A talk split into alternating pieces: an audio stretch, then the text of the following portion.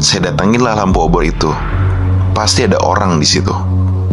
Dan betul aja, pas saya samperin, pokoknya rame banget di tempat itu.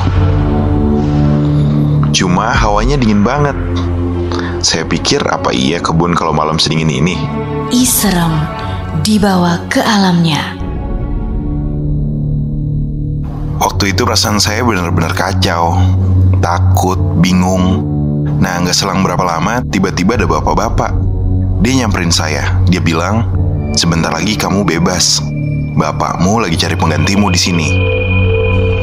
Saya nggak tahu bapak itu siapa. Cuma kata saya dalam hati, kayaknya dia orang yang bisa bantu saya keluar deh dari daerah ini.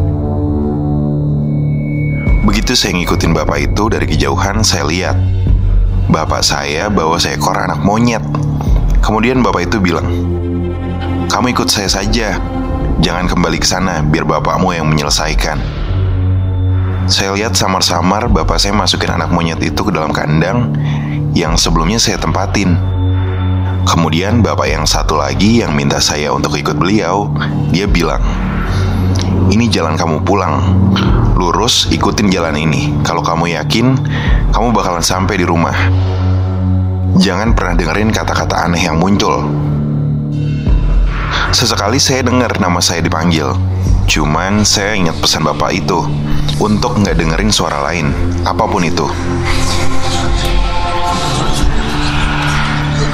Saya terus berlari dan berlari, tiba-tiba saya keluar dari jalan setapak itu. Terus saya ngeliat rumah saya. Saya hampirin rumah tersebut. Di dalam rumah itu saya ngeliat semua keluarga lagi berkumpul, berdoa. Saya lihat mama saya nangis memeluk ibu saya yang terlihat dengan mulut menganga dan mata melotot. Di situ saya berusaha untuk bangun, untuk sadar. Yang saya ingat sampai detik ini, cahaya putih seperti memberikan isyarat agar saya mendekati tubuh saya. Dan dari situ saya mulai pulih.